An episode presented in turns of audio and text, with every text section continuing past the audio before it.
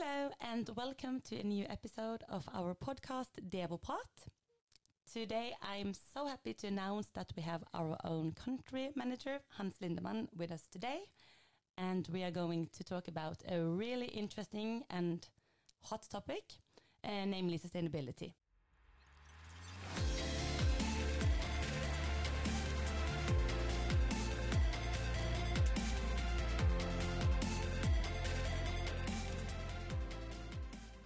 Hans, maybe you would like to do a short introduction of yourself. Okay, thank you very much, Marie, and thanks for having me here. Very excited to be talking about a topic that's uh, as important as it is.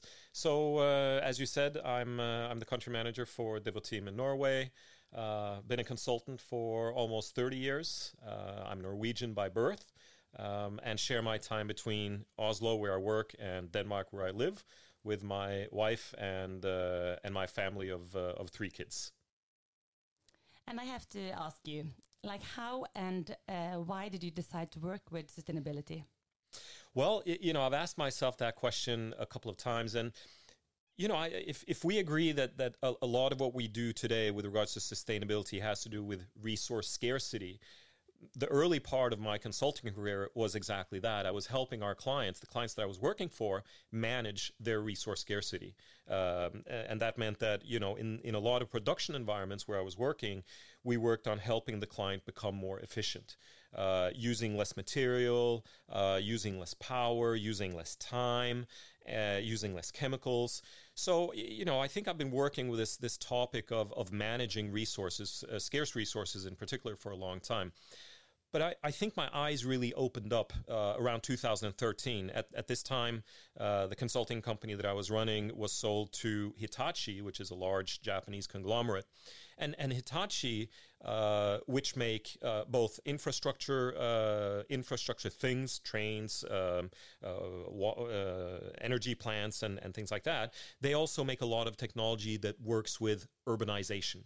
And, and urbanization, or the urbanization of our cities, uh, the, the gathering of a lot of people in large city areas, um, requires very strong sustainability activities uh, because people need food, they need water, shelter, but also energy and air.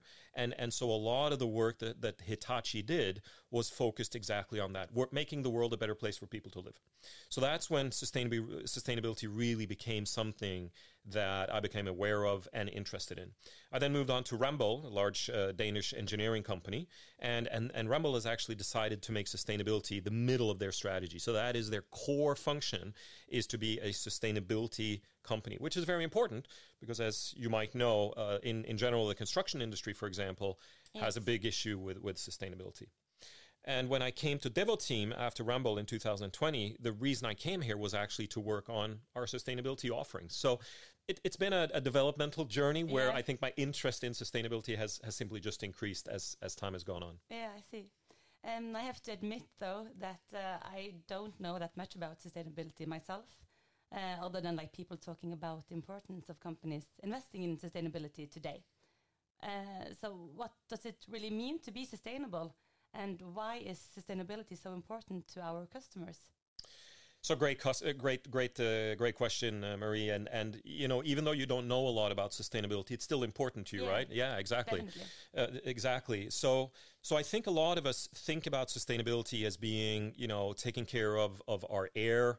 Uh, we we know a lot about CO two emissions and the fact that the Earth is warming. Uh, we think about seas becoming more and more polluted. we're thinking about rainforests being cut down so that we can make oil or other foods. All of these topics are eh, you know are sustainability topics that we're all fed through the, the TV and which by the way are extremely important to be working on right um, but sustainability can be so much more. It also has to do with uh, you know your ability to be educated if you're growing up in a third world country. It has to do with safety availability of of um, uh, of, of, a good educational environment. Uh, it also means that we in in a first world country uh, have a working environment which which is conducive to being good employees and, and having a pleasant place to work, uh, equal opportunity for everybody. Sustainability can be so many things, right? Uh, and a lot of them very, very important. Why is it important to our clients then? Well, um, it, it's important to our clients because sustainability is a moral obligation for us today. It is our obligation to hand over a world to our kids Yeah. that they can live in without suffocating or without having food and and and and and um, uh, and not having any forest or or you know uh, simply eliminating uh, uh, as, as many animals a, as we are at the moment. So so it's a moral obligation that we all have, and and since most of us work for companies uh, or have some involvement with companies, it's also something that companies are increasingly becoming very very aware of. Um, we we see that not only we as employees care about sustainability, but the owners of companies are getting very concerned about uh, sustainability. They know that it's important. By the way, they also know that companies that are sustainable are typically better companies. They make more money. They're run better if they're sustainable. Um, and finally, and and sometimes most importantly, the customer, the consumer of the company's products and services are v- increasingly very aware of how sustainable that company is. So young people today, for example, when they buy a piece of clothing, in a lot of instances, they will differentiate where they buy their clothes, not necessarily just by the price of that of that of that piece of clothing, as you probably know, Yeah. but how sustainable the company is. And and so it, it it's starting to become imperative in the market to make sure that you attract uh, uh, attract uh, attract customers. That's some of the main reasons why sustainability is important for for our clients. Mm. And that actually leads uh, me or us to uh, my next question. Uh, because if improving sustainability would be an easy task, uh, everyone would have done it. So, what do you consider the main challenges for organizations in improving their sustain- uh, sustainability performance? Yeah, exactly. I mean, it's it's um, it's really too bad that it's not easy, but we wouldn't be having this uh, this challenge if it was easy, right? So, I, I think when when we talk to our clients and and and when we research sustainability in our clients' organizations, one of the first thing that comes up is that they're missing competency. They're, they're simply missing people who have experience and understanding of what sustainability means for that company. And therefore, the, the company is also missing that, um, that understanding of what they can do. They're missing understanding of why it's important, and they're missing an understanding of how they can actually make a change or how they can actually uh, make make a difference in, in terms of uh, in terms of sustainability. So the competency level is definitely one. The, the other challenge that we typically also see in, in the client organizations that we work with is that increasingly in organizations, especially large and complex organizations, it's difficult due to um, unconnected, unconnected data and complex data to really get a succinct picture of what your sustainability performance is. I mean, imagine the the value chain of, of a lot of the products that that the companies that we work for have. You know, they stretch from Asia to the U.S. Uh, it, they, they they can involve you know 50 or 60 different companies working on the products in order to get to the end product you know these value chains are hugely complex. And the only way that you can really manage sustainability in these types of in these types of uh, industrial organizations is through very very strong data uh, uh, d- data aggregation and data analyt- uh, analytics capabilities. So this this data angle is something that our clients are really struggling with. It- it- similarly they're also struggling with the cost of sustainability because it's not free um, making sustainable choices often involves um, a, a financial investment. Uh, recruiting people with sustainability knowledge requires an investment. Uh, choosing to buy your energy from a sustainable sustainable resource could mean an additional um, uh, an additional cost, for example, and and and so typically the the the the the, the cost of becoming more sustainable, uh, which is a very short term view, by the way, is also something that stands in the way um, for our clients. Yeah.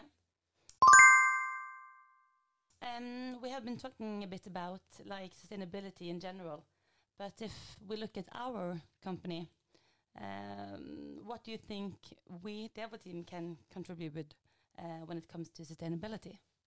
Great question, and so important for this podcast, right? Uh, Yeah. Right, Marie. um, so you know, I, I think let's first and foremost just agree that you know, as a company, we can also be sustainable, and we are, or at least we're becoming more and more sustainable. So, so as you know, uh, for the first time this year, Devoteam had a global uh, CO2 footprint measurement exercise done for all of the different uh, companies in the different countries that we have in the Devoteam ecosystem. That enables us, for example, in Norway, to appreciate what is our climate footprint now and how can we reduce it in the future. Um, Similarly, um, we have a Devoteam Foundation that helps, um, uh, you know, with a number of, of not-for-profit activities. Uh, we provide we provide help for free, um, and that's also something that we can do under the sustain and we do under the sustainability banner. Uh, equal opportunity for men and women, and so on and so forth. Uh, lots of things that we as a company can do. We can travel less. Uh, we can use less uh, energy in our offices. We can contribute. But I, I think the the impact that we can have is even greater if we use our understanding and our competency within technology to help our client environments. And if we think about uh, doing something with regards to sustainability in that sense, we can basically do that in, in two different areas.